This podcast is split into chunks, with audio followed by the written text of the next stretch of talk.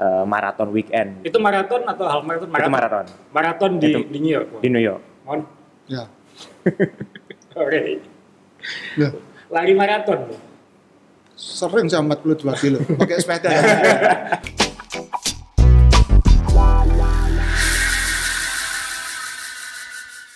Ya, kita sekarang kembali ke podcast Main Sepeda. Eh, saya Azrul Randa, ini Johnny Ray, yang paling ditunggu dan selalu berdebar-debar karena saya nggak punya beban di podcast ini, yang punya beban Om Ray.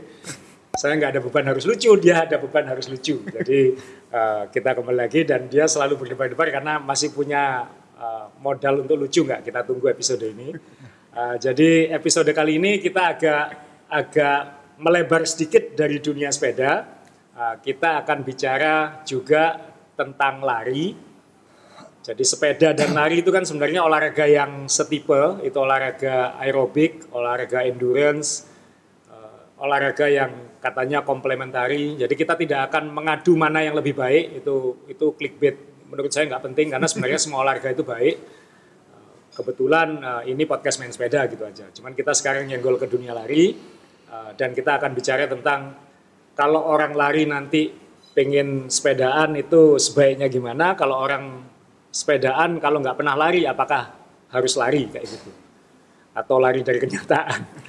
Uh, kemudian uh, kita sekarang uh, ada dua tamu yang bisa membantu tema kita hari ini karena uh, jujur saya mantan lari sudah nggak pernah lari karena lutut saya yang kanan sudah hancur jadi sebenarnya tidak boleh lari. Mencoba lari lagi kemudian nggak boleh lagi, mencoba lari lagi terus nggak boleh lagi. Uh, jadi uh, mungkin kita akan butuh uh, tamu kita yang satu ini karena datang dari Jakarta kebetulan. Uh, bukan kebetulan sih, memang datang dari Jakarta.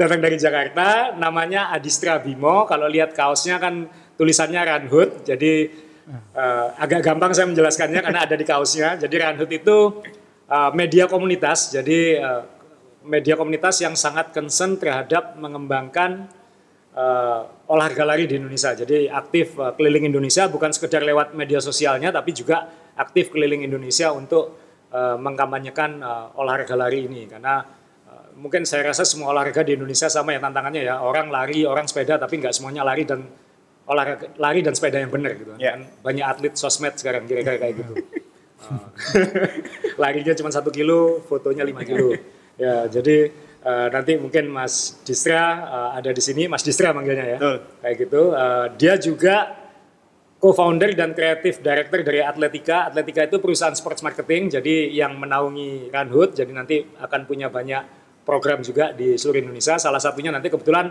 kebetulan Om Dis, Om kita kalau di manggilnya Om. Om.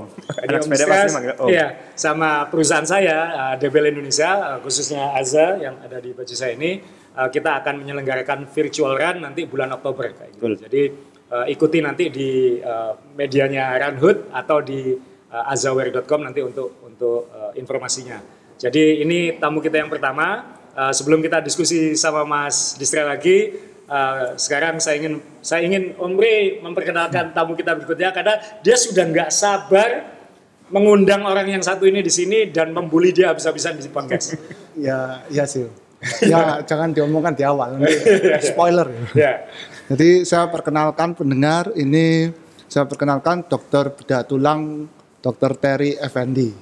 Ya, tapi maaf beberapa dari koleganya dan teman-teman menyebutnya fake dokter karena dia lebih banyak sepedaan mungkin daripada jadi dokter dan ternyata sepedaannya kuat jadi benar dokter atau atlet gitu garis miring jadi kita penasaran ini makanya sebutannya fake dokter tapi bukan jangan dihubungkan dengan fake fake yang lain seperti taksi itu jadi ini fake dokter panggilannya pernah juara satu lomba sepeda nanjak waktu itu di mana dok ya Di Semarang. Semarang juara satu khusus dokter Ya. Jadi Iya. Kebetulan khusus. Kebetulan khusus dokter. Jadi Jadi, habis ini mau yang lain. Karena pesertanya tidak banyak, jadi saya juara ya. Oh, Pokoknya kalau semua dokter se-Indonesia dikumpulkan adu nanjak naik sepeda juara satunya ini. Waduh, Ya. Nah, tapi juga dia habis itu dia nggak puas di situ. oh, Kemarin kan barusan juara lagi gitu kan. oh iya, Ya, iya. waktu saya ulang tahun kita bikin lomba nanjak ke Bromo. Nah, Juara. iya. Ya, ya, Jadi kita sampai komplain semua teman-teman itu gitu. Kan di mana-mana yang namanya balapan ya atau atau kita ini kan semua fake atlet kan kayak gitu. Ya. Eh, harusnya kan dokter itu membantu atletnya kan. Iya. Nah kalau dokternya balapan dan menang, atletnya kerjanya apa? Itu ya. Makanya banyak yang protes. Makanya banyak yang protes ya. Obat dia yang tahu duluan. ketemu deta- ya? Iya, ketemu detailer hampir tiap hari. Iya, jadi dokter Terry di sini sama Om Distra. Jadi Nah, kita kan karena kita tidak mau mengadu antara lari dan sepeda, karena kalau diadu mungkin banyak yang lari daripada yang sepeda, jadi yang sepeda pasti kalah. Iya. Karena semua orang lari, nggak semua orang sepeda kan kayak gitu. Jadi pasti kalah. Uh, jadi uh, kebetulan Om Distra ini juga nggak cuma lari, dia juga sepedaan ya kan. Alirannya sama kayak kamu, Rey. Apa itu? Aliran minggat. Oh, ahli minyak. Ya, dia dia ke Surabaya bawa sepeda. Saya sudah dapat bocoran sepedanya apa? Sepeda minggat kayak sepeda kamu. Ada Sepeda masalah apa? berarti. Ada masalah berarti ya. Ada masalah di rumah kan? Saya pakai salsa. salsa. Salsa Faya 2017. Oh. Belinya pas lagi mau maraton di Bali. oh. Kenapa kau beli sepeda sebelum maraton? Eh, enggak, waktu itu saya kerja sih. Kan run hood kan, foto-foto gitu. Ah, Ada waktu nih, wah ke ini, ke toko sepeda. Habis itu, wah kayaknya ada sepeda keren nih. Si salsa ini. Ya udah langsung angkut. kayaknya aku tahu tokonya di mana itu. Cuman satu kayaknya yang bawa salsa. Iya. Itu keren tuh menurut Om berarti ada uh, paniernya atau gimana? Enggak, cuman dari bentuknya tuh kayaknya eh, adventure banget. Jadi kayak mirip sama apa ya, jiwa saya lah, jiwa adventure gitu.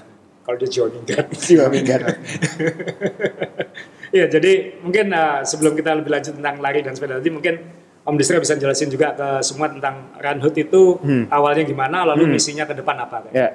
Jadi Run Hood itu tahun 2015 kita bikin. Eh, memang media yang mengapresiasi olahraga lari lah. Kita ngelihatnya takutnya kalau lari kan waktu itu lagi booming banget kan.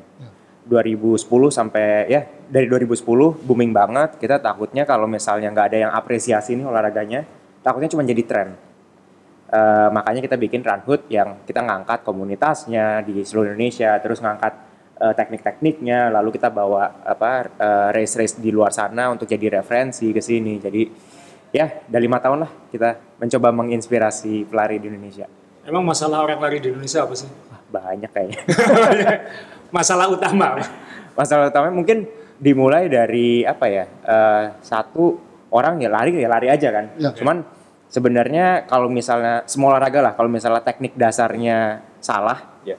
terus mereka cedera, terus udah nggak mau lakuin lagi. Ya. Nah kita pengen coba eh, mengedukasi itu. Iya. Nah, sebentar ini kalau cedera kan ada dokternya. Mas. Nah itu dia. Dokternya nih seneng orangnya cedera apa enggak dulu? Oh, itu pertanyaanku nanti. Simak dulu, itu pertanyaanku buat dia. nanti. Iya. Jadi eh, intinya se- sebenarnya sama kayak di kita di sepeda ya.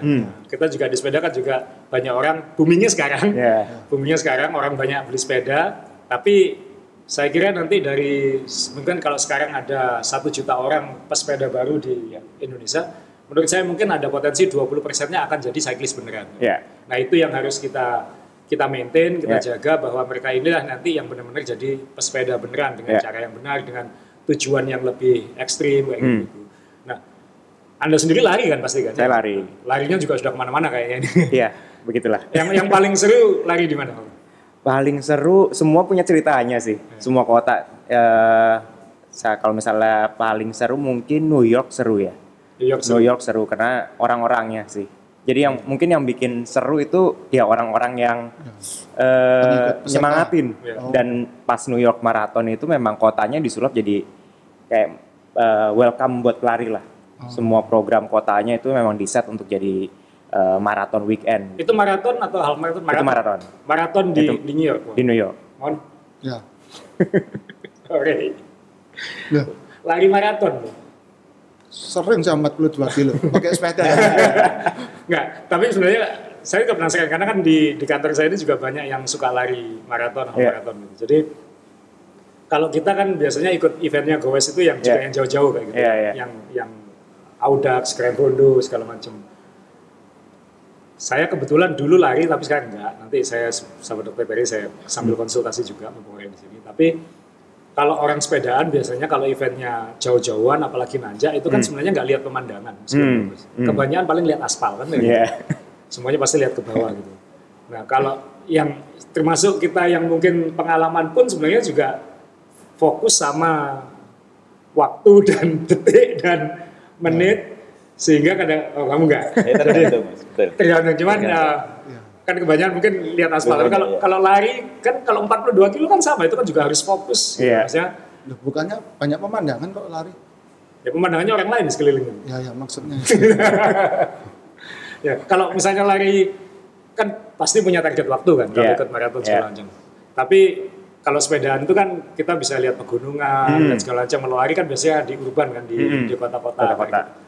Gitu. buat pelari itu pemandangan pemandangannya bener orang lain atau enggak seperti itu saya nggak pernah ikut maraton Ain. Wis, Daya- jujur aja ini kayak itu. Ya daya tariknya kalau lari ya itu sih. Eh, satu orang nyari biasanya destinasi yang pemandangannya bagus. Sama satu lagi yang eh, orang-orangnya emang welcome. Jadi suasana suasana kotanya tuh suasana lombanya tuh memang eh, oke banget lah. Itu yang sebenarnya pelari cari. Biasanya kan kota-kotanya kan yang memang unik kan kayak gitu yang memang mungkin dari segi penduduknya udah tahu oh acara maraton ya udah kita kita support gitu kayak New York, New Berlin York, segala macam Berlin, London itu kadang-kadang saya juga dalam hati berpikir karena kan meskipun saya nggak lari saya Hmm. juga membayangkan kota-kota di Indonesia kan banyak yang akhirnya ikut bikin-bikin maraton Ya. kayak gitu-gitu tapi kan sebenarnya infrastrukturnya Iya betul suasana jalannya kita bikin event lari 10 kilo aja nutup Ya. jalannya setengah mati kan kayak gitu kita masih muda lah kalau dari segi culture gitu ya mungkin baru 10 tahun terakhir kan kalau Iya.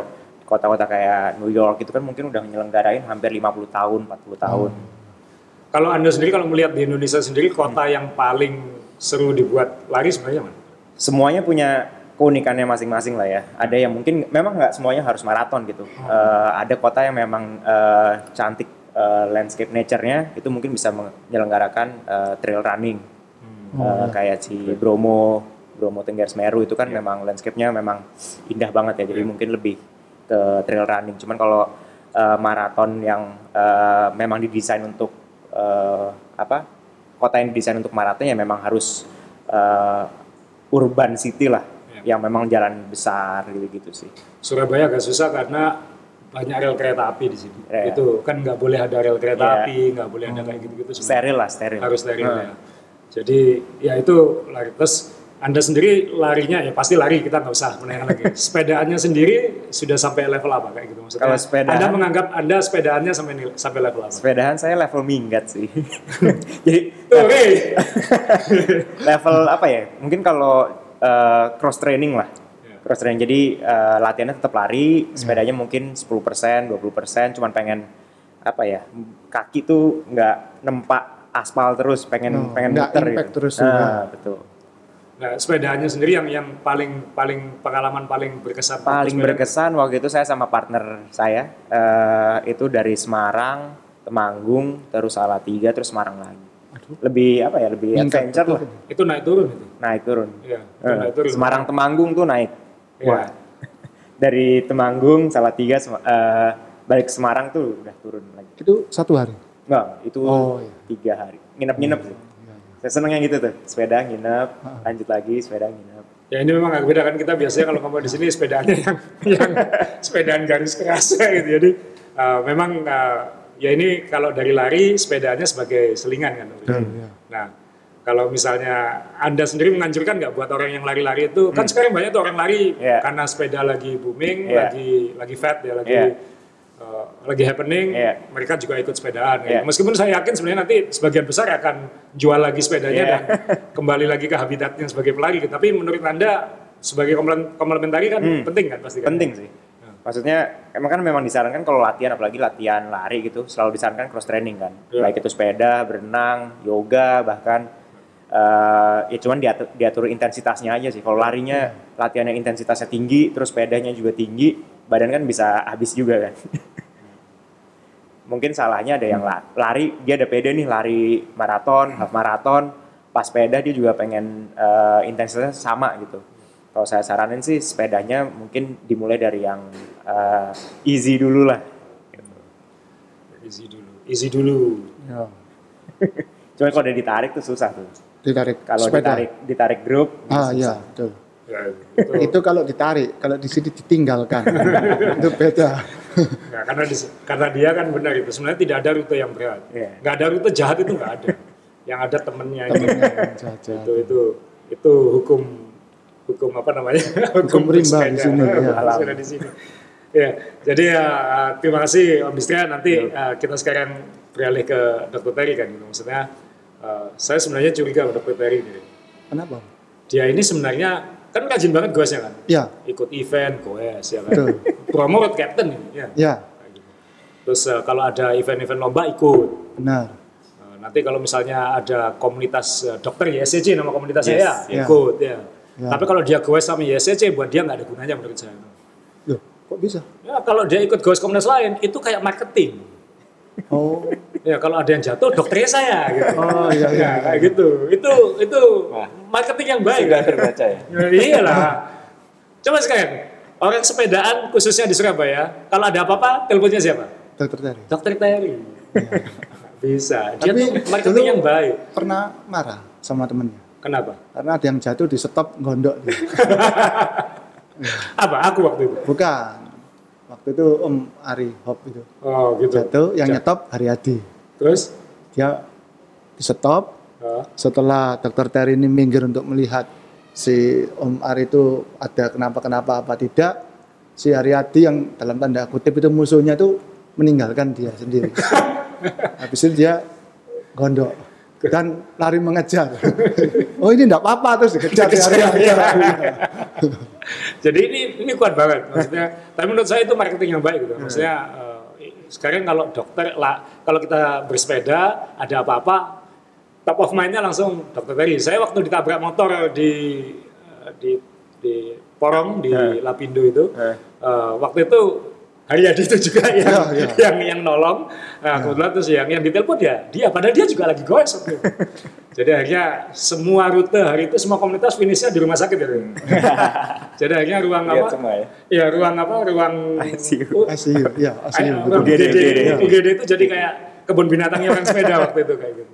Jadi ya, ya tapi buat komunitas juga penting di anggotanya ada yang dokter sih menurut saya. Hmm. Betul, ya. Nah, kebetulan di Surabaya ini dokter-dokternya banyak yang aktif juga gitu. Ada Hmm. dokter jantung, ada, kemudian yang nolong saya dokter ya. jantung waktu itu Ya, di jalan, Dokter bedah jantung. dokter bedah jantung. Uh, kemudian ada dokter tulang itu Ya. penting untuk ikut karena dia yang tahu Iya, iya, iya. semuanya kayak gitu. Uh, nah kalau dokter Terry ini kan di grup kita kan belakangan mulai nakut-nakuti kan ya. Ya, itu katanya masa tulangnya susut kalau sepedaan terus. Jadi ini mumpung ada yang lari, yang juga sepedaan, kita yang sepedaan tapi nggak nggak lari nanti saya ngomong lagi. Nah kalau dokter tadi kenapa sih kok mulai nakut-nakutin teman-teman yang ekstrim ekstrim? Apa Gini gini, nakut-nakutin dengan tujuan baik, Nah. atau nakut-nakutin supaya mereka latihannya berkurang, Biar dia- bisa nyari. Nah, itu saya takutnya ke arah situ. Betul.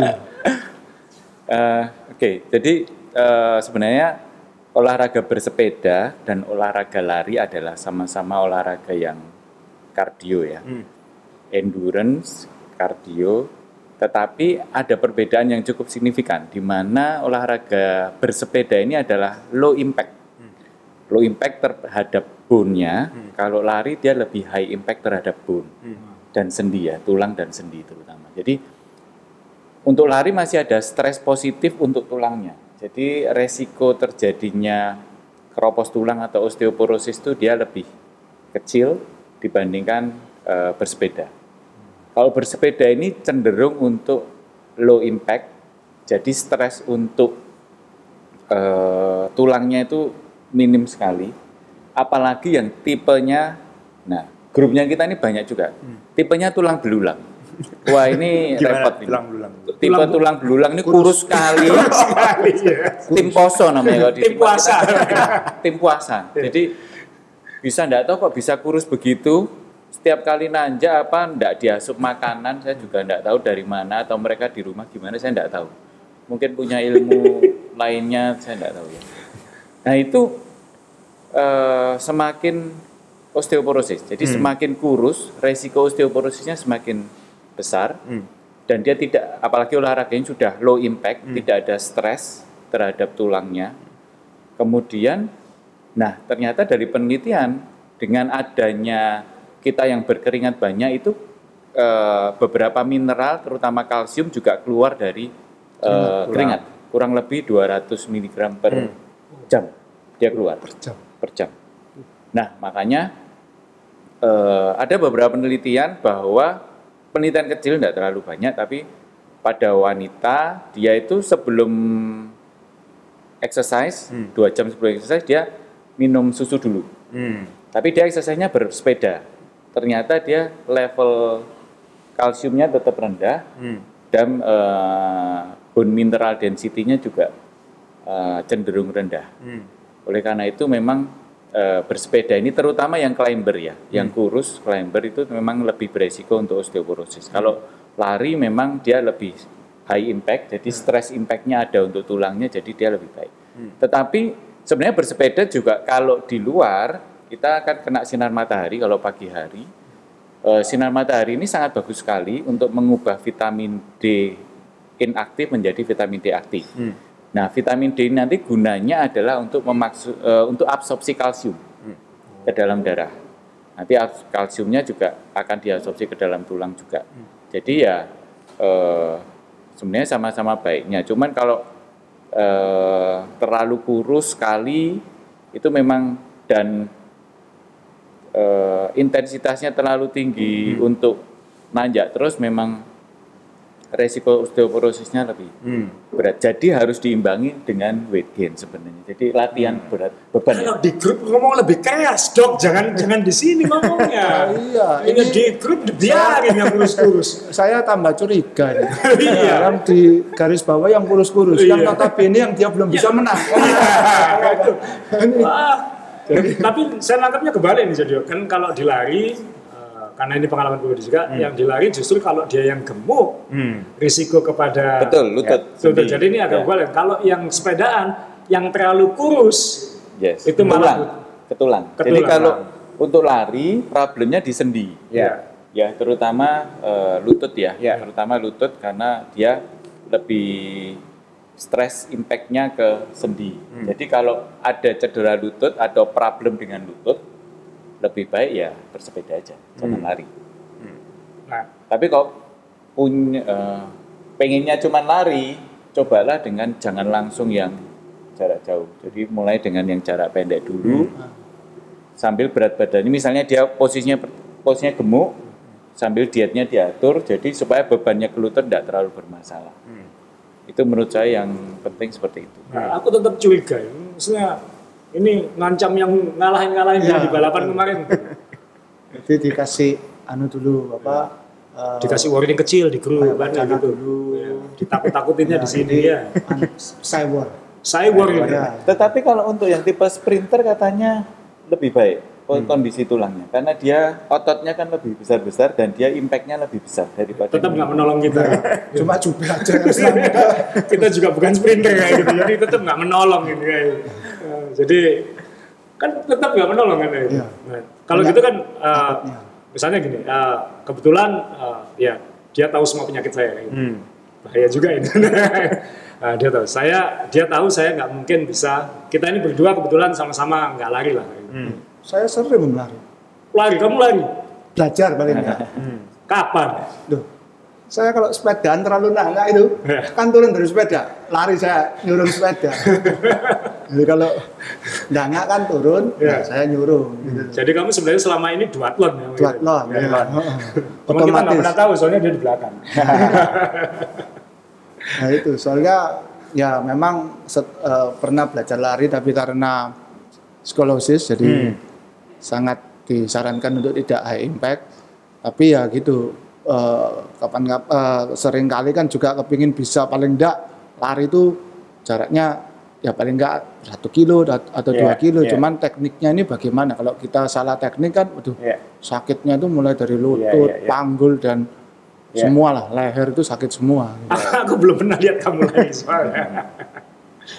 aku pengen lihat dia lari. Pernah lihat dia lari? Nah, belum pernah. Nggak, belum pernah kan ya? Belum pernah. Aku belum pernah lihat Angga lagi. Aku belum pernah lihat dia lagi.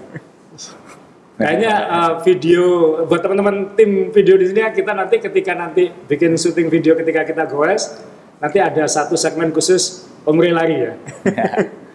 Lari dengan Lari dorong klit. sepeda itu. Ada sepeda pakai klit. pakai klit Aku pengen tahu gayamu lagi. Hmm, Gaya jalanmu tuh ngewes, ngewes.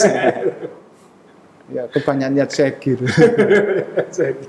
ya, kalau kalau saya memang uh, kamu juga pernah kecelakaan kan, dulu. jadi Iya. pernah operasi besar pada kaki juga kan. Iya. Ya.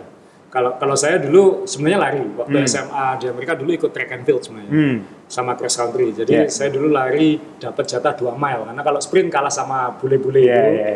Uh, kalau long distance juga kalah sama bule-bule itu. Jadi ditaruhnya di 2 mile. Iya, 2 iya. mile itu kan yang tanggung gitu. Iya.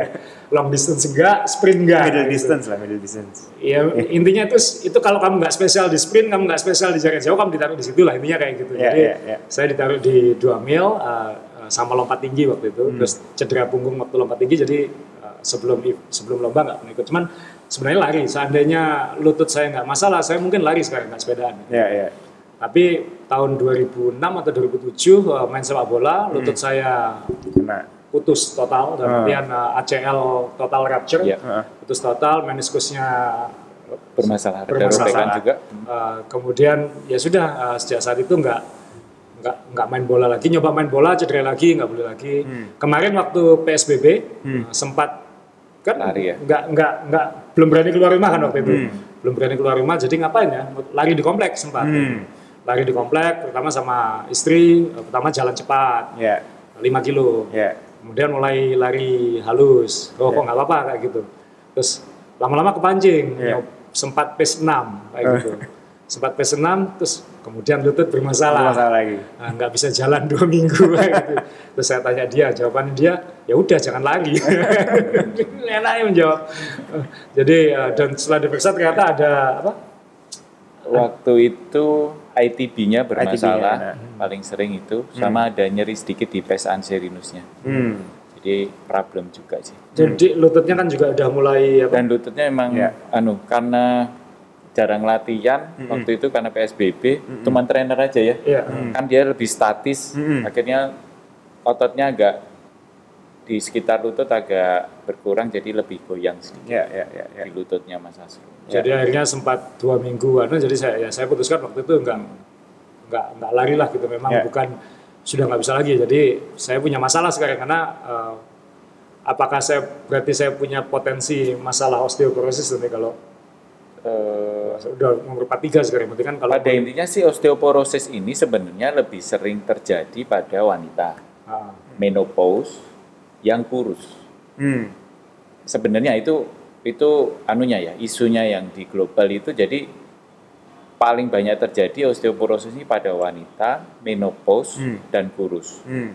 ini memang resiko osteoporosisnya besar jadi keropos tulangnya besar tetapi memang pada diteliti juga di atlet-atlet sepeda yang dia atlet pro kemudian yang dia kurus ya. terutama kurus ya yang tipe climber memang kurus semua. itu memang resiko. Osteoporosis juga. Jadi Iya. memang dicek itu bone mineral density-nya memang mendekati osteoporosis. Jadi memang tidak bagus juga. Jadi saya nggak usah terlalu khawatir berlebih tentang Eh, enggak ada. Kalau yang kita penghobi gini sih sebenarnya enggak terlalu sih. Hmm. Dan sebenarnya harus tetap diimbangi dengan eh, tetap eh, latihan beban. Latihan Hmm. bebannya enggak harus lari. Bisa latihan beban apa pun misalnya nanjak curam itu kan beban itu. eh, Beban hidup, kalau- Beban badan, beban hidup enggak? Beban hidup. beban badan itu termasuk dong. Beban kayak apa? Uh, Eh, iya iya iya gitu-gitu. Heeh, Oh. heeh, bisa. Jadi kayak latihan beban dengan menggunakan badan sendiri, kemudian itu bisa. Jadi tetap harus off saddle ya, tetap nggak di sepeda kan ini. Iya iya. Pada ini apalagi kalau yang indoor cycling itu lebih lagi, lebih resiko terjadinya itu lebih besar. Karena badan nggak gerak ya. nggak gerak sama Iya. sekali Iya. di ruang tertutup, tidak kena sinar matahari sama sekali. Jadi dia yang suka banget indoor cycling memang lebih anu. Lebih. Jadi yang saya agak lega sih adalah saya nggak usah terlalu khawatir saya dan kamu. Kita- Simptomnya ini apa sih? Simptomnya apa? Maksudnya, Osteoporosis. ya osteoporosis. Kan kita ngomong keropos tulangnya tuh tahu-tahu nah, sebenarnya putus per- gimana? Eh, jadi karet gitu. Terus terang ini memang penyakit osteoporosis ini silent ya. Jadi Hmm. sebenarnya silent istilahnya ada bilang silent killer. Jadi tidak ada simptomnya awal-awal. Hmm. Beberapa yang sudah usia lanjut di atas 50 itu biasanya cuman gangguan kayak seperti gangguan hormon gitu. Jadi karena dia udah menopause, jadi nyeri-nyeri di sendi, nyeri-nyeri di otot yang tidak begitu signifikan. Nanti tahu-tahu cuman kepleset aja patah. Hmm. Itu yang enggak. Jadi biasanya simptomnya emang enggak terlalu jelas. Jadi silent killer kita jadi tahu-tahu nanti jatuh sedikit aja patah. Punya pertanyaan besar ini. Hmm. Kan kalau kita tahu ya, kalau di luar negeri orangnya aktif. ya. Maksudnya jarak 2 km aja Jalan. Iya. Oke. Da- dari apartemen ke kantor, Yes. dari eh, dari ya pokoknya parkir nggak rebutan cari yang Iya, paling iya. dekat. Eh, kemudian apa kalau misalnya mau ngambil barang apa dia mau jalan kayak gitu. Eh, di Indonesia kan enggak. Hmm. Di Jakarta misalnya, di Jakarta orang itu kan hidup dari AC ke AC kan sebenarnya. Iya. Yes. Dari ruangan masuk basement, masuk mobil, dalam mobil masuk basement lagi, Iya. ruangan lagi kayak gitu Naik lift lagi. Naik lift lagi. Jadi jalannya relatif uh, sedikit. Orang Indonesia ini kan relatif nggak jalan. Gitu. Iya. Saya saya membayangkan kok saya waktu liburan sama keluarga itu saya ngitung saya pernah ngitung anak saya yang masih umur 10 tahun itu kalau ke Disneyland itu sehari bisa jalan 12 kilo Hmm. dan itu nggak apa-apa gitu. Hmm. Sedangkan di Indonesia uh, kamu jalan sehari berapa kilo? Sekilo belum tentu. Sekilo belum tentu kan ya. Nah itu itu kan apakah ada Jadi resiko lebihan. Jadi gini, menjadi resiko untuk osteoporosis menjadi lebih besar. Jadi begini, masa tulang ini adalah tabungan kita mulai dari kecil Hmm. sampai usia eh, tertentu. Kalau kita yang laki-laki memang andropos itu umurnya kurang lebih 70 tahun, Hmm. andropos. Jadi kalau yang wanita namanya menopause itu biasanya kurang lebih umur Masih lama kamu itu tenang. 50 tahunan. Nah, cadangan pada waktu kita kecil ini sangat penting. Ya. Kalau zaman dulu kan, zaman saya lah ya, Heeh. olahraganya masih macam-macam ya. Main Ya, bola. Masih main bola, masih di kelas, Ya. masih eh, di sekolah masih ngapain aja. Jadi semua yang aktivitasnya itu menggunakan aktivitas kita. Hmm. Sekarang cenderung lebih eh, Iya. gadget ya, Iya. lebih diam, Olahraga lebih gadget. jempol. Biarpun sebenarnya untuk spotnya itu sekarang mungkin lebih tertata bagus ya mas ya. Jadi mulai dari basket, mulai dari futsal, soccer itu ada yang baseball apa ya lebih baik juga sih. Tapi mereka mungkin tidak serutin itu dan tidak semuanya bisa ikut itu. Ya. Jadi lebih banyak sekarang gadgetnya. Terus ke mana-mana mungkin lebih dulu masih ondel sepeda waktu umur Hmm, sekarang. sekolah naik sepeda. Sekarang dianterin semua ya. Iya. Sekarang dianterin semua. Jadi semakin sebenarnya gerakannya kurang, ototnya untuk mobilisasinya kurang. Jadi Hmm. eh, sebenarnya sih kalau kita ada life is movement, movement is life kan gitu ya. Mas ya. Hmm. Jadi gerakan itu ya kehidupan kita. Jadi kalau kita waktu kecilnya bagus, eh, dewasanya juga aktif olahraganya, ya harapannya nanti pada waktu mau osteoporosis itu kita bisa mempending itu. Karena osteoporosis ini kan mau tidak mau kita akan menuju ke sana kan. Ya. Semua umur akan menuju ke sana. Tinggal kita menjaga bagaimana supaya kita tetap aktif. Misalnya pada usia gini kita tetap jalan pagi, bersepeda ringan, intensitasnya ringan. Tidak perlu yang intensitas berat, tapi intensitasnya ringan cukup. Yang penting rutin. Karena itu sangat mempengaruhi eh, kualitas tubuh kita. Ya. Gitu. Untuk Bisa- kardio juga Pak. Ini aku bisa bayangin problemnya Randut ini untuk kampanyain uh, lari yang benar. Aku bisa bayangin karena Ya. orang Indonesia jarang jalan, Ya. tapi senang yang happening. Benar. Jadi saya bisa membayangkan dulu ketika tahun 2010 atau apa ketika lari itu booming, Ya. orang yang nggak pernah jalan yang uh, lebih banyak bertumpu pada pantat, Ya. ya, duduk Ya, dan ya. anu, kemudian la- lari itu happening, pengen lari langsung, Ya. kalau anda lihat waktu itu misalnya kan cedera-cedera yang susah nggak ngasih tahu orang-orang itu maksudnya ketika anda melihat itu lalu melihat risiko-risiko cederanya itu waktu waktu itu gimana? Eh, saya ngelihat mungkin eh, fase cederanya itu orang lari diajak temennya, Iya. temennya udah jauh lebih advance larinya, Iya. tapi dia merasa oh gue juga bisa nih. Betul. lari kan, Ya. Biasanya panas lah, langsung. Ya. Langsung Semua kan ya. orang bisa lari kan? semua orang bisa lari, Iya. baru mulai lari mungkin sebulan dua bulan atau empat bulan, belum sampai setahun udah ikut maraton, Oke, Gitu kan? betul, banyak itu. Ya. Banyak kan? Ya. Banyak. nah habis ikut maraton, injury, kalau nggak shin splints paling, Yes. ITB, habis itu kapok nggak lari lagi. Banyak banget ceritanya. Makanya dari situ wah kita harus pelan-pelan nih eh, mengedukasi juga lah gitu. Jadi eh, lari itu nggak harus maraton, lari juga bisa mulai dari eh, bahkan 1000 meter, terus mulai pelan-pelan ntar ke 5 kilo dan nggak harus maraton kok, lari juga bisa 5 kilo ya udah buat sehat juga kan. Kadang memang tidak diciptakan untuk maraton ya Benar. kita ya. Betul. Beberapa kan karena kita penghobi aja kadang memang tidak diciptakan untuk maraton. Hmm. Karena maraton sangat-sangat Destruktif loh. destruktif. 42 kilo. Kita ini diciptakan untuk goes 300 kilo. Aku serius, kamu ikut dong. ya aku belum ceritain ya, kamu waktu ikut yang 300 kilo Madura itu. Nah, jadi dia, ada silakan ceritakan, Om Ri. Bagian mananya? Yang yang yang tahun lalu, yang dulu, Oh. yang dia diteleponi terus. Ya. Ini luar biasa. Gimana gimana? Jadi setelah bersepeda 300 kilo, dia pulang, cepat-cepat pulang. Waktu itu kita nawari, nawari untuk makan terus istirahat sebentar. Dia bilang, oh nggak bisa, saya harus operasi. Dia bilang gitu.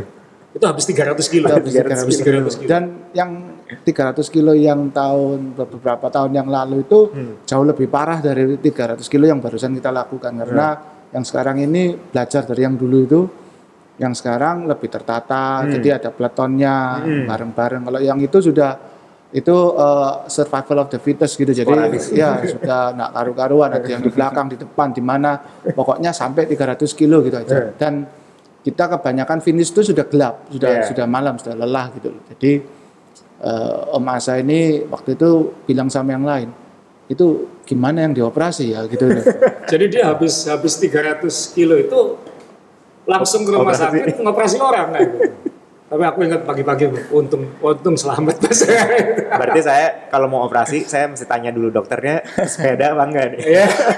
Nah, tanya terus- rutenya ya, mana Iya, rutenya rute mana rutenya Rute mana rutenya mana dan kalau kalau keja kalau kan ya jangan sampai kejadian maksudnya kalau kalau kejadian kecelakaannya weekend itu lebih berbahaya Kenapa? Berbahaya. dokternya Pagi- goes Pagi pasti goes. ya, kayak gitu.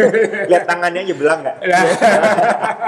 Belang kok belang kalau tangan belang nggak apa-apa dok asal nggak hidung Anda sekarang melihat kan karena oke lari sempat booming Hmm. banyak banget event Banyak banget. kebetulan tahun ini Hmm. sepeda yang booming Iya. kan Anda pasti melihat orang-orang di sekeliling Anda Iya, nyoba sepeda coba sepeda.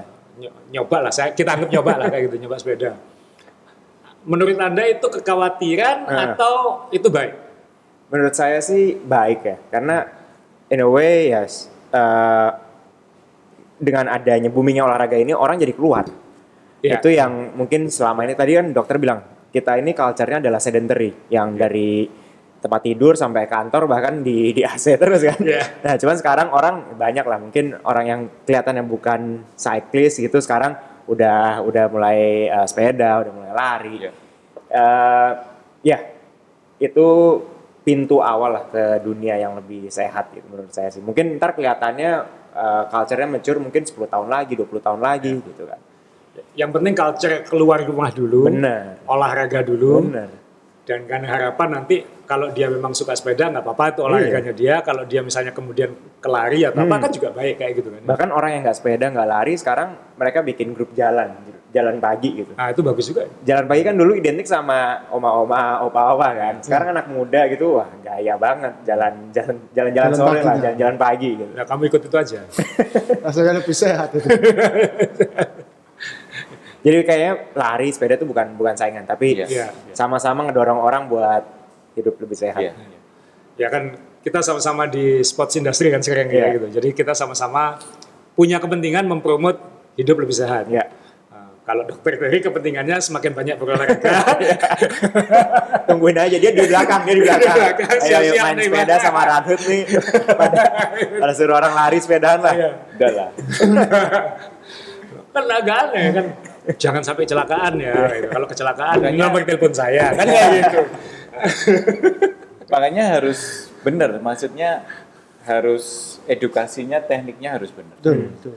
Jadi kayak mungkin Mas Hasrul dengan main sepedanya, jadi menurut saya harus edukasi juga kalau mau bersepeda awal tuh gimana sih? Hmm.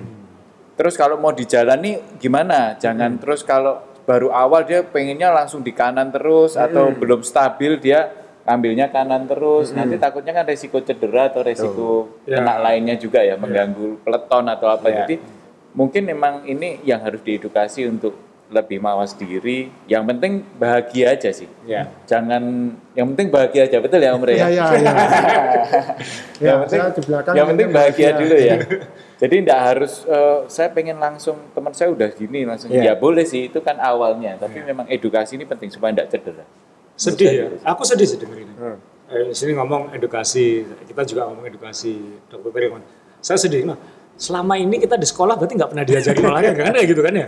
Ka- kalau di lari ya, kalau Iya. di lari kan kita ngelihatnya SMA itu atau SMP lari itu Iya. hukuman. Ya. Betul, betul, Ah. ya. Kerjain PR, Ya. lari, Lari. keliling lapangan. Sekarang Jadi, masa masih ada itu? itu dulu. momoknya adalah lari ya hukuman bukan olahraga. Cuman sekarang udah mulai udah mulai Iya, berubah sih. Karena waktu saya bikin basket itu dokter kan masalah DBL dulu waktu bikin Ya. basket SMA itu adalah kebanyakan pelatih karena belum pernah ada event basket yang memasalkan Ya. dalam waktu begitu cepat kan. Ya. Harus ada ratusan tim, ribuan tim Ya. berpartisipasi. Pelatihnya nggak sebanyak itu. Hmm. Kebanyakan pelatihnya adalah guru olahraga. Betul olahraga benar. Gitu. Jadi kemudian butuh proses bertahun-tahun untuk eh, membuat guru olahraga itu jadi pelatih basket atau benar-benar pelatih basket menangani tim basket itu. Ya. Jadi nah kalau di lari ini tantangannya seperti apa nih? Kan tantangan kan berarti kan harus ada coaching dalam artian kan Ya. dalam hal media dalam event besar kan kita bisa memberi panggung, meramaikan, memasifkan. kayak Ya. gitu.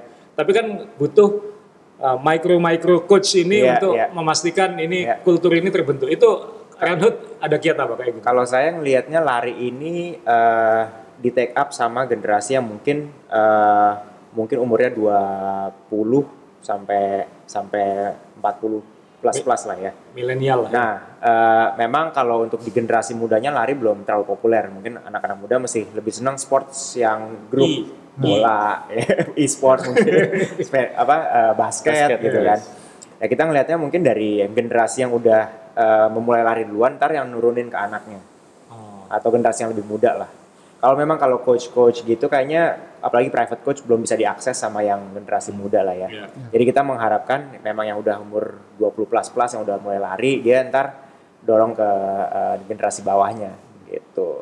Jadi mungkin tapi memang ini proses lah ya, nggak bisa Berarti butuh, terjadi. kita butuh next generasi yang ini ya, benar. menurunkan ke generasi yang berikutnya. Ya, gitu. makanya mungkin Runhood juga pakai eh, platformnya media sosial gitu, Ya. karena kan bisa diakses generasi yang lebih luas gitu. Ya. Ya, tapi tetap optimis ya, maksudnya kan berarti ini Optimis, optimis. banget. masa depannya kan mau nggak mau orang harus olahraga lah. Kalau Yes. enggak kan, eh, saya di mana-mana sering bilang kok, eh, masalah masa depan Indonesia ini pasti kesehatan. Ya. Gitu. Karena kita ini, apalagi sekarang ini, ya tadi jalan kaki aja Ya. Nggak mau. enggak, gitu. Ya. jalan kaki Enggak. aja. Generasi kita mungkin masih Ya. banyak orang Jawa bilang pelayon ya. Iya. gitu. Ya. Tapi kan nggak nggak nggak melulu begitu. Dan Ya. ini berarti kan dan saya pernah belajar Australia itu kenapa orang-orangnya memang di kultur olahraganya itu di push Ya. karena memang pertimbangannya mikirnya jauh gitu. Hmm. Waktu itu dijelaskan sama Kementerian Olahraga, sana Kementerian Olahraga dan Rekreasi namanya. Hmm. Itu jadi satu. Hmm. Nah, tugasnya bukan eh, mengurusi medali emas Iya. atau atlet enggak. Iya. Tugasnya Kementerian Olahraga dan Rekreasi adalah memastikan di setiap komunitas, di setiap wilayah, di setiap kota atau desa atau apa itu ada fasilitas olahraga. Benar. Untuk memastikan orang-orangnya tidak ada alasan tidak olahraga. gitu. Ya. Prestasi urusan kementerian yang lain, Ya. urusan departemen yang lain, Ya. tapi Kementerian Olahraga dan Rekreasi fokus ke memastikan fasilitas olahraganya Ya. ada. Ya. Kenapa kayak gitu? Saya tanya sama waktu itu Menteri Olahraga dan Rekreasi Australia Barat waktu Hmm. dia cerita. Dia bilang, Azrul, ini korelasinya sama biaya kesehatan. Hmm. Jadi beban beban biaya kesehatan ini akan melonjak tinggi kalau masyarakatnya Benar. nggak sehat. Jadi Benar. kalau mending uangnya dihabiskan untuk infrastruktur olahraga, Benar. yang itu banyak manfaatnya daripada dihabiskan untuk mengobati penyakit dia bilang. Benar, gitu. Nah di sini kan kita masih jauh dari visi-visi Ya. kayak gitu. Ya. Nah dokter-dokternya aja belum tentu cukup gitu. Hmm. Dokter-dokternya belum tentu olahraga semua kayak dia kan kayak gitu. kan. Jadi ini yang yang eh, aku nggak bisa bayangin BPJS beban BPJS sekian puluh tahun lagi itu seperti apa? Ini kayaknya belum mikir ke sana semua kayak gitu. Ini kan akan jadi beban yang luar biasa. Jadi ya sports harus jadi industri sih. Kalau enggak nggak nggak sustain gitu Iya. Fasilitas ada, tapi emang harus dari segi bisnis juga A- ada harus, pun belum ideal ya. Bener. Eh, Dan harus dari segi bisnis juga, ayo kita Bagus. lari aman nggak di jalan? waduh, Ya kan? Berarti kan belum kan, belum Benar. belum ideal. Goes apa lagi? Iya. bener. Goes apa lagi? Jadi challenge ya kita kan ya, ya kita harus rajin meneriakkan ini. Benar. Nah, kan berarti kan dia harus merasakan olahraga yang yang yang lain lagi ya. gitu. Nah, sekarang juga kalau saya tanya misalnya Heeh. kayak seperti saya ada skolosisnya itu cara larinya apa ada gitu. Oh, Kalau- Cara larinya zigzag. kayak mungkin kayak kalau- kayak kepiting gitu miring. Kalau skolosis mungkin dok yang lebih lebih bisa jawab kali ya. Kalau kalau tulang gitu. Kamu nggak pernah tanya sama Enggak dikasih tahu lah. saya juga nggak bisa bilang kalau orang skolosis itu boleh lari apa enggak gitu kan. Mungkin Yang lebih- penting menurut dokter yang dulu merawat ya tidak tidak bisa Tidak disarankan. tidak disarankan untuk yang high impact gitu. ya, ya. Ya apalagi kalau kita pernah dulu ikut apa itu eh, mini triathlon itu. Ini tidak lawan. Nah, waktu renang bisa, Ya. sepeda bisa, Larinya begitu ya. lari, aduh, itu orang yang jauh lebih gede dia itu bisa lari dengan lebih enjoy gitu ya. Ya, Jadi ya, ya. kelihatan kan eh, ketika menapak itu kan kakinya apa itu walaupun besar tapi enggak saya lari itu kayak eh, kayak orang betulin jalan pakai impact loh, duk duk duk duk, duk, Iya, gitu iya, ya. iya, Jadi iya. kakinya kan tiap kali ketemu aspal kan duk duk duk gitu. Kalau yang orang yang biasa lari walaupun waktu itu badannya lebih gede dari saya tapi kakinya itu kayak kayak ada spon apa kayak dibusa gitu ya. Jadi kayak ada bantalnya gitu kan, kerasa gitu. Padahal kita setiap lari buk buk buk gitu yang kepala, dengkul itu sakit semua, pusing gitu ya. Itu kan eh, dia harus ngapain tuh? Eh, sebenarnya kalau skoliosis Hmm. ada problem dengan tulang belakang, memang olahraga yang high impact memang sebaiknya dihindari. Mm-mm. Tetapi Sama-sama.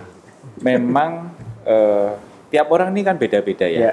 dan ada keinginan tertentu bahwa orang tuh saya mungkin hobinya lari Hmm. gitu. Jadi saya kalau ada beberapa pasien yang eh, konsultasi misalnya dia dengan kok lari biasanya paling banyak pelantar fasciitis juga ya Iya, pelantar. pelantar juga kemudian ITP apa tapi dia ini saya cuman maunya cuman lari saya enggak mau Hmm. kalau disuruh stop lari enggak bisa saya Hmm.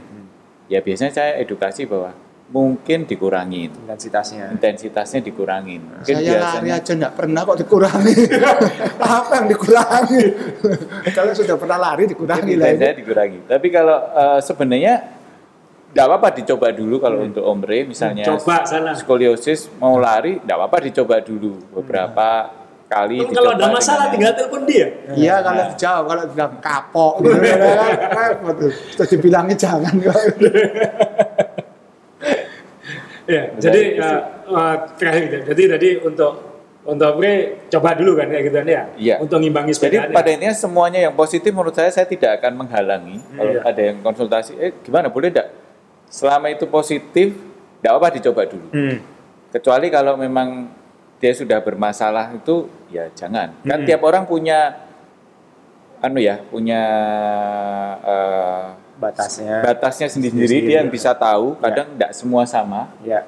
dengan umur awal tidak semua sama. Jadi kita edukasi dia bahwa eh, seberapa berat dia untuk berlatih. Berarti saya boleh nyoba lari lagi. Eh, Ya. ya dokternya loh ya ingat ya dokternya.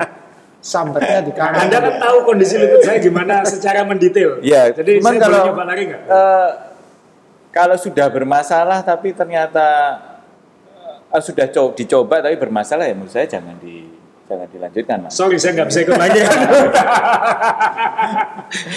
Pengen, pengen, pengen, terus pengen. mungkin pace-nya yang dikurangin ya, Ya. mungkin pace-nya yang tidak terlalu Kalau berlebih. ya kalau saya mungkin banyak yang mungkin datang ke saya gitu eh, mau mulai lari gitu Iya. gimana ya. Kalau saya saya bukan expert, saya bukan coach, Iya, cuman betul. saya bilangnya mungkin build habitnya dulu. Build habit mungkin bisa dimulai dari jalan kaki gitu Iya. ya. Jalan kaki 10 menit, 20 menit per hari, habitnya udah oke, terus ototnya juga mulai kebiasa, Iya. gerak, baru mungkin eh, lari pelan-pelan dari satu kilo, terus besok eh, minggu depan 2 kilo, 3 kilo.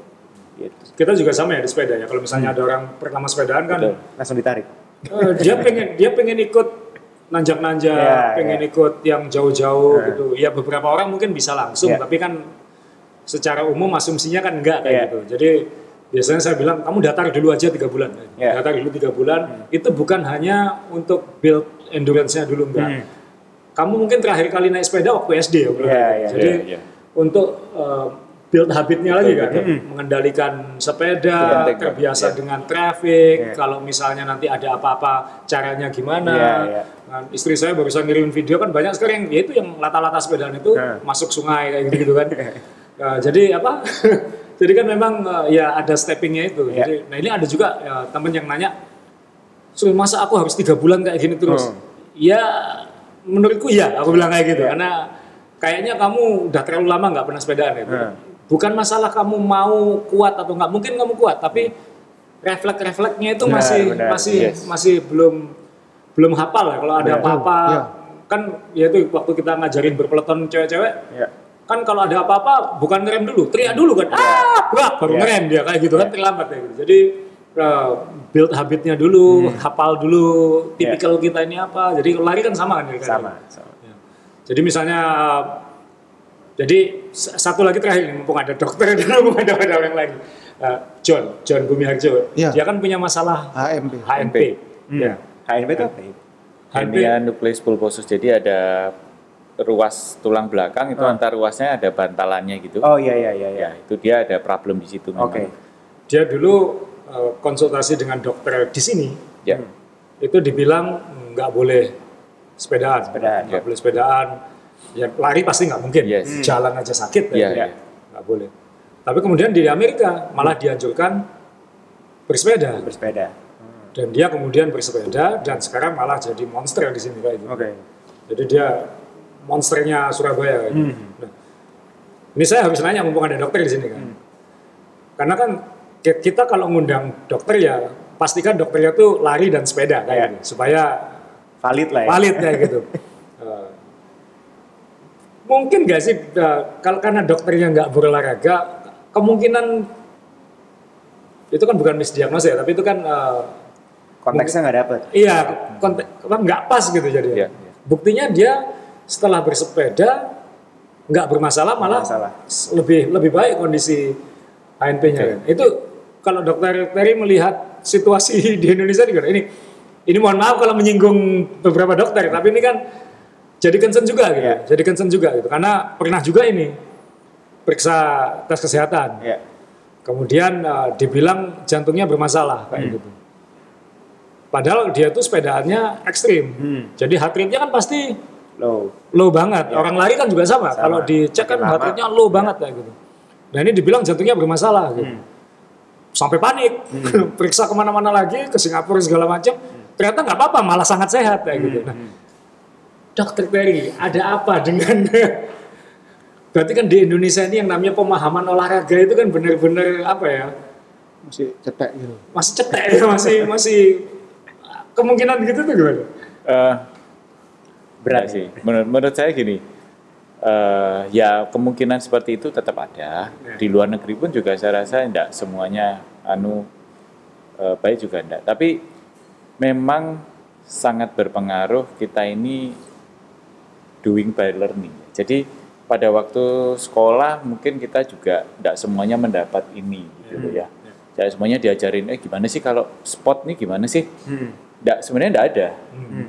Eh, baru setelah kita ada rasa ingin tahu, kita belajar, kita melakukan, kita juga baca kan. Kita juga baca, ada yang konsultasi, tidak semuanya kita tahu, kita bukan semuanya bisa jawab juga enggak. Kita baca, ternyata dari situ kita belajar menimba ilmu juga kan. Dari oh ada pertanyaan ini, ini seperti ini, kayak eh, kasusnya Gojon, dia ada HNP, berat HNP-nya, Ya. indikasi operasi, saya pernah lihat hasil MRI-nya pada waktu itu, dia gemuk, kemudian eh, dengan bersepeda, jangan salah, bersepeda ini bukan hanya kaki. Kalau bersepedanya benar, core-nya ini pasti akan bagus. Ya. Dengan ot, eh, core-nya bagus, otomat dan akhirnya berat badannya berangsur-angsur turun juga dengan baik, akhirnya beban di eh, backnya itu berkurang drastis, otot core-nya kuat juga, backnya juga kuat, karena dengan bersepeda itu tadi, dan kebetulan yang dipilih sepedanya road bike. Mungkin kalau MTB mungkin agak susah, karena MTB kan downhill gini terus kan, Guncangan terus. guncangan terus ya. Ya. Kebetulan yang dipilih road bike, jadi pas Ya, semua akan Jadi- read pada waktunya. gitu ya. Jadi akhirnya membaik. Benar-benar membaik. Dia bilang tidak ada keluhan. Cuman hampir tidak ada keluhan sih, tidak pernah. Tidak pernah cerita ya, Ya, Mas ya. enggak. Tidak pernah cerita. kayak gitu. Tidak pernah cerita. Jadi dia untuk backnya hampir tidak pernah. Padahal sudah indikasi operasi. Kalau lihat anunya indikasi operasi. Lihat MRI-nya. Cuman karena tidak ada keluhan ya, ya udah syukur. Jadi Makanya beberapa saya juga kadang menggunakan contoh-contoh seperti itu kan tidak semuanya selesai dengan operasi ya. Ya. Maksudnya tidak semua orang juga mau dioperasi. Ya. Jadi ya aku sudah promotif operasi sangat, berapa kali? jadi promotif sangat sangat penting sih. Iya. Tapi kalau eh, ada beberapa yang tahu tidak tahu ya itu individu ya. Tapi Ya. menurut saya tidak semuanya gitu, tidak bisa dianu gitu Samaratakan. sama ratakan. Banyak kok sekarang udah apalagi yang eh, semua kalangan yang senior pun banyak yang sudah olahraga, banyak yang suka sport juga. Jadi mereka juga eh, kasus-kasus apalagi kasus-kasus sport sekarang juga tinggi, Ya. sudah tinggi juga. Mulai anak-anak eh, mungkin berapa 10 tahun terakhir Iya. Mas ya, dengan adanya komunitas-komunitas eh, event-event juga banyak mulai dari tingkat SD, SMP, Iya. SMA. Jadi mereka kompetisinya udah tingkat itu sebenarnya Iya, ya iya. Sudah tingkat itu. Jadi sebenarnya sport injury uh, sudah cukup banyak dan kita juga saya rasa juga banyak sudah dokter Indonesia yang sudah ambil khusus untuk Ya. itu, belajar juga ada spesialis kedokteran lainnya, kedokteran olahraga sendiri ada sendiri. Ya. Ortopedi juga ada sub spesialisnya sendiri juga Ya, ya. yang khusus untuk sport. Jadi itu itu yang Saya aku senang sih karena memang makin banyak dokter berolahraga, ya, Berolahraga. bukan bukan hanya sepeda kan lari kan juga gitu. Ya. Mungkin ini next project kita gitu, maksudnya mengolahragakan semua dokter kan kayak gitu ya. semua dokter. Ya, jadi, Jadi- ya, tes tes eh, tes kedokteran itu ada lari 5K, 10K. ya nggak harus maraton lah, disiplin katanya kan kayak gitu ya. Masuk tentara dong. ya. Why not? Termasuk dia ini harus di dicoba lari. Kita jadikan eksperimen sama Renhut mau. capek Om. capek, kamu sepedaan kan juga capek. kan itu ada rodanya kalau capek diem rodanya muter sendiri Kalau ini nggak jalan, nggak nyampe. iya Iya, jadi eh, ini nggak kasar sudah eh, hampir satu jam. Eh, eh, terima kasih eh, Om Distra, jadi eh, sudah sharing soal lari juga. Ini eh, kalau misalnya teman-teman sepeda penasaran tentang eh, pengen nyoba lari juga sebagai penyimbang, karena kan harus harus ada alternatifnya. Eh, saya mungkin jalan kaki aja nanti mungkin lebih banyak kayak gitu. Eh, Om Rin juga nanti saya ajak kalau makan jalan kaki, bukan mallnya cuma 2 kilo naik mobil. Iya. terus. Kayak gitu. Jalan kaki, habis ini kita jalan kaki makannya. ojol loh ojol Ojol. Apalagi ada ojol sekarang. Orang bener-bener warungnya cuma satu kilo pakai ojol sekarang kayak gitu. Eh, jadi eh, kalau nanti ada teman-teman sepeda yang penasaran tentang eh, untuk keseimbangan dan untuk supaya tidak risiko-risiko osteoporosis atau yang lain bentuk penguatan yang lain juga kan Ya. lain juga baik. penguatan. bingung informasinya dari mana bisa ngecek ke Ranhut. Ranhut ya. Di eh, di mana saja yang yang, yang di paling Instagram, di YouTube, eh, itu sih yang paling kita intensif. Ejaannya gampang lihat kaosnya dia. Nah, langsung R U N H O O D. Iya, Ranhut. Jadi nanti uh, kalau penasaran tentang itu, saya minta tolong mungkin nanti Ranhut juga menyediakan uh, untuk yang orang-orang yang converting ini, maksudnya yang dari cycling pingin ke lari, Iya. itu steppingnya seperti apa? Saya minta tolong mungkin nanti di, dibahas juga di Iya. Ranhut supaya uh, safe semuanya kayak gitu. Uh, ya, Dokter Terry terima kasih Uh, sudah kita ini ketemu dia hampir setiap hari ceritanya baru sekarang. iya apalagi ceritanya gembosi temennya lah iya, jadi tetap uh, nanti kita harus ada diskusi internal ini Uh, penjelasan dokter Terry ini tujuannya apa gitu karena kayaknya karena yang di depan dia itu yang dia kritikin tadi semua. Iya, iya. Eh, maaf mas, Iya. pada intinya saya tidak ada kepentingan apa pun, jadi saya tidak menghalangin orang untuk berolahraga. jadi Tersinggung. tidak ada eh, jangan sampai informasi-informasi ini menghambat anda kak semua untuk Berolahraga. berolahraga lah. Ya. Ya, kalau kita Jadi- sebagainya olahraga gitu Eh, misalnya. ya, pada intinya ini hanya beberapa mungkin eh, resiko-resiko aja, tidak semua terjadi. Saya tidak menakut-nakutin juga. Enggak yang ditakut-takuti itu Abah Hasil, Rifki Suneo, siapa lagi? Nah, Steve. Steve ya, ya, yang di depannya dia semua. Tapi memang ada jurnalnya, Ya. ada ada ada reasonnya lah, maksudnya gitu ada reason. Oleh karena itu, kalau pesan saya sih, eh, pertama tetap bahagia dulu, tidak stres. Ini penting banget nih, Ya, bahagia dulu, tidak stres ya mas ya. Itu nih, ya om ya. ya makanya Itu- makan terus supaya bahagia. Gimana pun caranya ya, bahagia dan tidak stres. Ya, ini penting banget. Kemudian memulailah. Kalau tidak mulai, tidak akan Iya. Kalau tidak akan anu ya mas ya, tidak akan jalan-jalan nih. Memulailah untuk berolahraga. Eh, kemudian tahu tubuhnya sendiri. Ya. Seberapa intensitasnya mau jadi apa? Kita bukan atlet, Mau jadi apa? mau jadi apa? Ya katanya Itu gitu ya. itu bener banget. Mau jadi apa? Kita jadi bukan apa? atlet jadi mau jadi apa dulu ini ini penting banget karena eh, jadi kita bisa ngukur kekuatan kita seberapa anu, eh, latihan kita itu mau seberapa ya penting banget latihan karena kita ini bersepeda berlari adalah kardio Iya. kemudian endurance Iya. ya Ya. ini penting banget penting untuk tubuh kita kardio kita apalagi ya jadi kalau tahu-tahu langsung yang tidak mungkin lah ini harus ini Berat. Bertahap. harus bertahap Benar. nah ini ini penting banget nih nanti lainnya akan dapat senengnya kok Hmm. akan dapat seneng. tapi kalau jujur nih ada ada masukan nih kemarin Hmm. yang dari lari kan sekarang banyak yang bersepeda nih Iya. tapi saya tanya sampai sampai gara-gara ini saya tanya nih, kenapa sih kok suka bersepeda sekarang? Hmm. Ternyata mas bersepeda itu lebih keren, Uh. lebih keren, jersinya lebih oke, katanya gitu. Ya karena karena lagi fat kan, lagi Ya. lagi dianggap lagi Terus itu, lihat itu pemandangannya, lari juga beberapa lihat, lihat pemandangannya itu tidak usah harus event kan, jadi bisa bersepeda jauh, Sudah Karakternya langsung- kalau saya lihat sama sih, seneng seneng jauh-jauh, seneng Ya. apa, seneng jalan-jalan gitu ya, Yes. seneng lihat sesuatu yang di luar sportnya sendiri. Iya. Kalau saya lihat ntar ke depannya ya lari, sepeda, eh, pelakunya beririsan sih sebenarnya. Ya. Iya. beririsan. Dan sebenarnya sih kalau di negara-negara maju kan ya beririsan Ya, gitu. ya. Ya, kan mereka juga mereka juga apa multisport ya pasti Multisport, multisport kayak gitu. Cuman di Indonesia ini aja kan lari booming, lari. Ya, ya.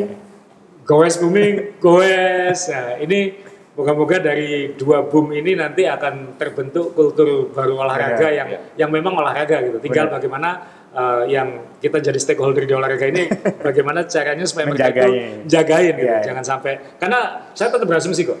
Mereka ini semua lagi happy, lagi happening karena belum kecentok kan. Ya, belum ketemu bandit-bandit di jalan ya kan, belum pernah ngerasain balapan sama Anda kan kayak gitu kan ya.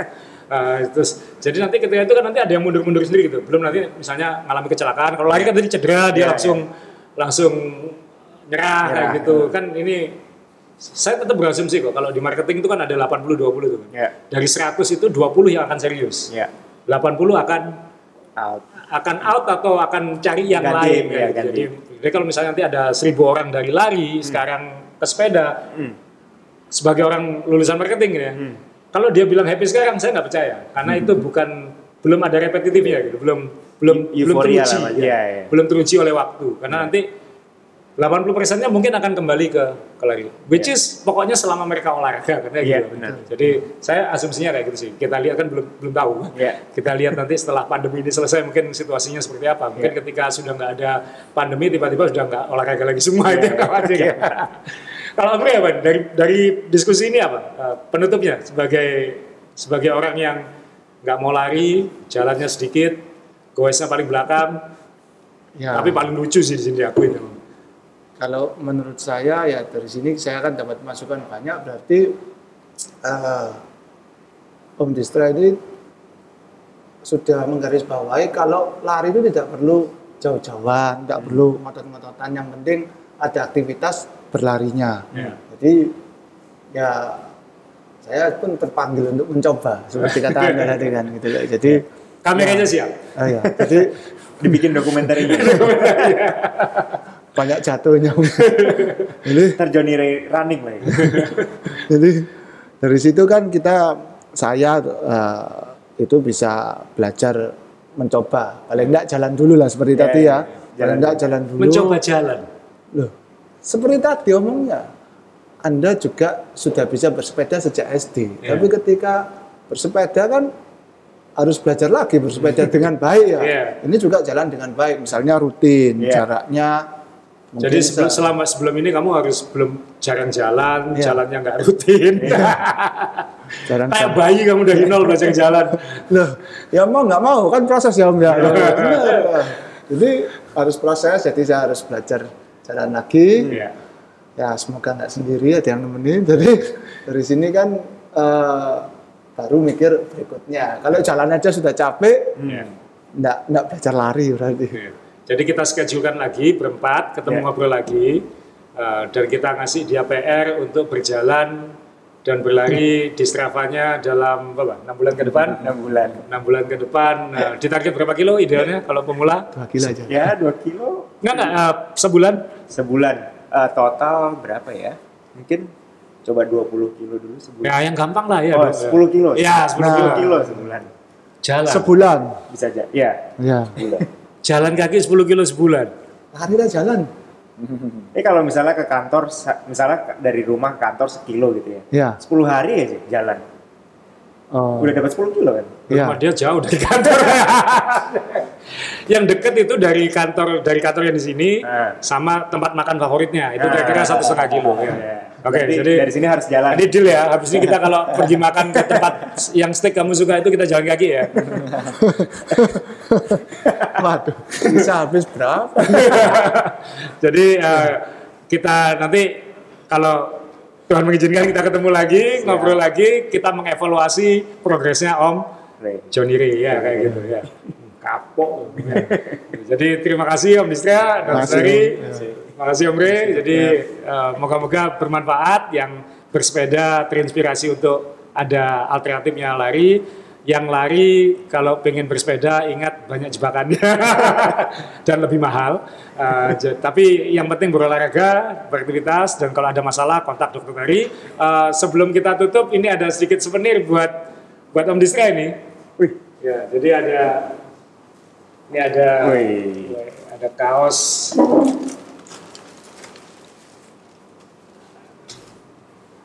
seperti yang dipakai dokter tadi sih. Mantap. Ya, Mainsepeda.com ya. Siap. Jadi saya silakan langsung aja. ya. Terima kasih. Dan uh, moga-moga Runhood-nya terus berkembang, terus membantu inspirasi orang-orang untuk berlari dengan benar Siap. di Indonesia dan orang Indonesia jadi masyarakat yang benar-benar berolahraga di masa depan. Ya. Ya. Terima kasih, sampai ketemu lagi.